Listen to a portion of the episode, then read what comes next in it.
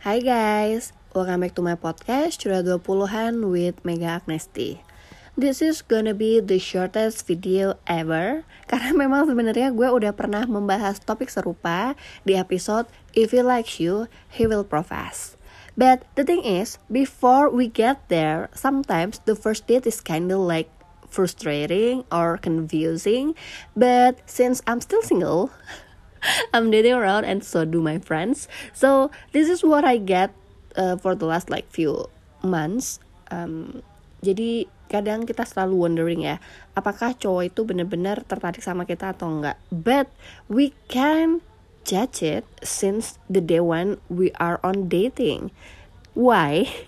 Karena gini, sebenarnya if he likes you, he won't let you go to bed and wondering if you are matter or not. So, dia pasti akan selalu memastikan lo ngerasa secure terhadap hal yang sedang kalian jalani. I mean, gue nggak langsung bilang relationship ya, but maybe PDKT. Actually, PDKT itu adalah hal yang sebenarnya bikin kita apa ya excited sometimes, most of the time. Terus ada rasa uh, takut, ragu-ragu dan juga apa ya um, sedikit membawa trauma dari masa lalu, right? So kadang ketika abis dari first date kita suka kehilangan rasa percaya diri menunggu saat-saat dia ngehubungin kita. Ya gak sih girls? So itu tadi balik ke pernyataan gue semula. If he like you he won't let you going to bed wondering if you are matter or not karena dia pasti akan memastikan lo ngerasa secure.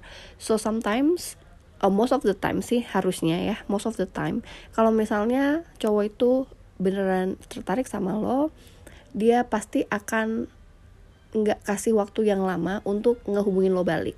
Misalnya you are on a date terus uh, kalian pulang ke rumah masing-masing Nah, nanti kalau dia udah sampai rumah pasti dia ngehubungin lo atau the next day dia mungkin akan langsung ngajak lo untuk jalan lagi or at least try to talk you. Intinya sih, kalau emang dia suka, dia pasti ada follow up action. And for me, it's still men's responsibility untuk ngasih respon tersebut karena memang salah satu temen cowok gue juga bilang bahwa kalau lo habis first date, don't let you women text him first karena that's his job. Dari situ lo udah tahu dia tertarik atau enggak. Jadi kalau misalnya tiba-tiba dia tiga hari hilang just forget him oke okay? but kadang suka ada permasalahan kayak gini nih. Misalnya nih uh, the first date went well terus abis itu dia text lo terus abis itu dia ngajak ketemu lo lagi tapi tiba-tiba cancel karena he got something to do. Mostly women akan selalu ngerasa offen offensive is it? Akan kayak shit. Dia beran tertarik atau cuman main-main ya? What did I do wrong? You know that kind of question pasti akan pop up on your mind right? The thing is nothing's wrong. Sometimes emang dia ada pekerjaan. Sometimes sometimes emang uh, he need more time. Sometimes emang he just need some space. So don't overthink. Don't over apa ya? Complicated you know dan memang kalau memang satu orang ini tertarik sama lo biasanya akan lebih cepat untuk um, step PDKT selanjutnya gitu. So tapi kalau misalnya enggak langsung selancar orang-orang lain take your time.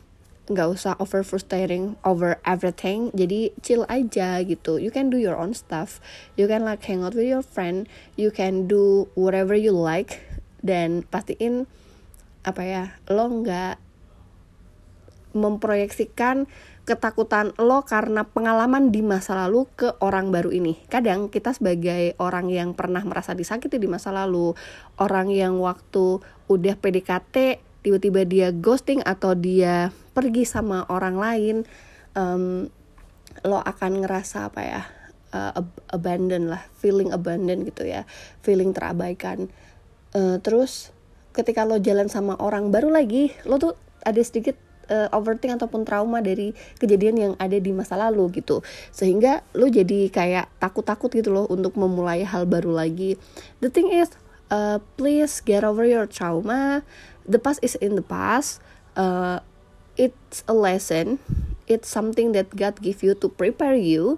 Jadi ketika lo menghadapi situasi seperti itu lo kan udah belajar nih dari masa lalu intinya cuma dua doang either lo harus get over him karena dia not interested in you atau emang lo bisa move forward sama dia but harus lebih sabar nggak usah clingy nggak usah demanding di awal-awal uh, eh, PDKT ataupun di awal date ya itu adalah yang ada di pikiran gue pagi ini.